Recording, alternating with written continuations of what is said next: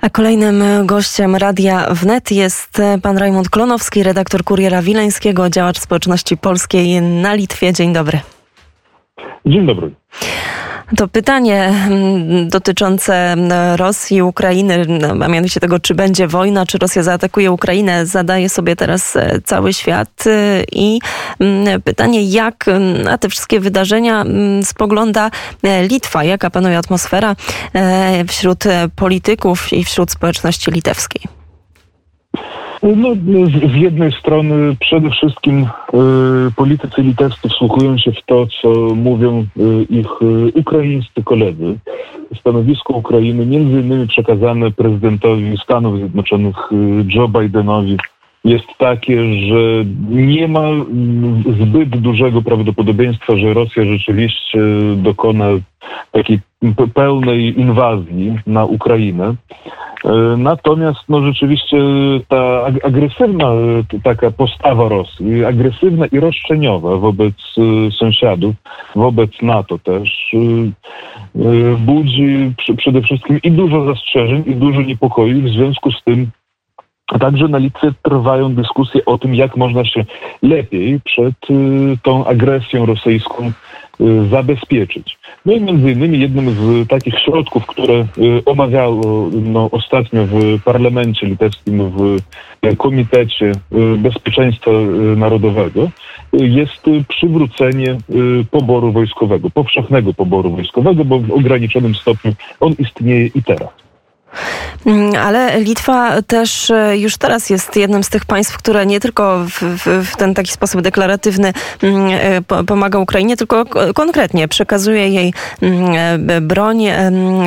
Przekazała także już teraz i Litwa i Łotwa partii amerykańskich zestawów przeciwlotniczych. Pytanie, czy politycy litewscy, czy o tym w ogóle się mówi, czy eksperci od spraw bezpieczeństwa na Litwie zastanawiają się, jeżeli ten konflikt przerodziłby się z tego takiego pola konfliktu póki co jeszcze psychologicznego czy propagandowego przekształciłby się w taki regularny konflikt zbrojny, to, to, to w jaki sposób Litwa by się zachowała? No, właściwie to do końca nawet nie wiadomo w tym momencie, jakby się zachowało NATO, bo no, niestety Ukraina mimo aspiracji swoich nie jest członkiem sojuszu jeszcze. E, natomiast no też y, litewscy politycy, chociaż nie mówi się o tym zbyt głośno, mają y, świadomość tego, co świętej pamięci prezydent Rzeczypospolitej Polskiej Lech Kaczyński mówił w 2008 roku w Tbilisi, gdzie był też razem z nim obecny prezydent Litwy Waldas Adamkus, a mówił, że no tak, dzisiaj Gruzja, jutro Ukraina, później kraje bałtyckie, w końcu przyjdzie czas na Polskę.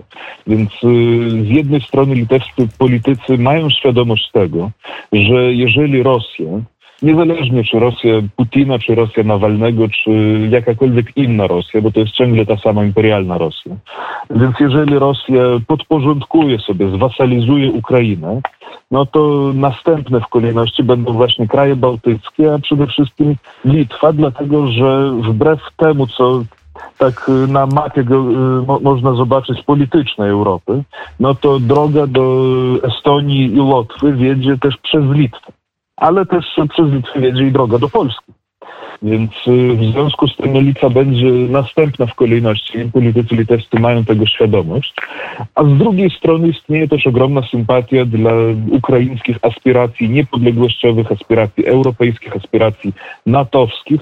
Także z tego względu, że między innymi ukraińscy ochotnicy także bronili litewskiego parlamentu w 1991 roku i ta historia takiej współpracy także Akademii Wojskowych naszych krajów ma y, całkiem już pokaźną tradycję. I tutaj stawiamy trzy kropki. Bardzo dziękujemy panu za ten komentarz. Rozmawialiśmy z Rajmundem Klonowskim, redaktorem Kuriera Wileńskiego, działaczem społeczności polskiej na Litwie. Bardzo dziękuję. Dziękuję, kłaniam się. Bądźcie zdrowi.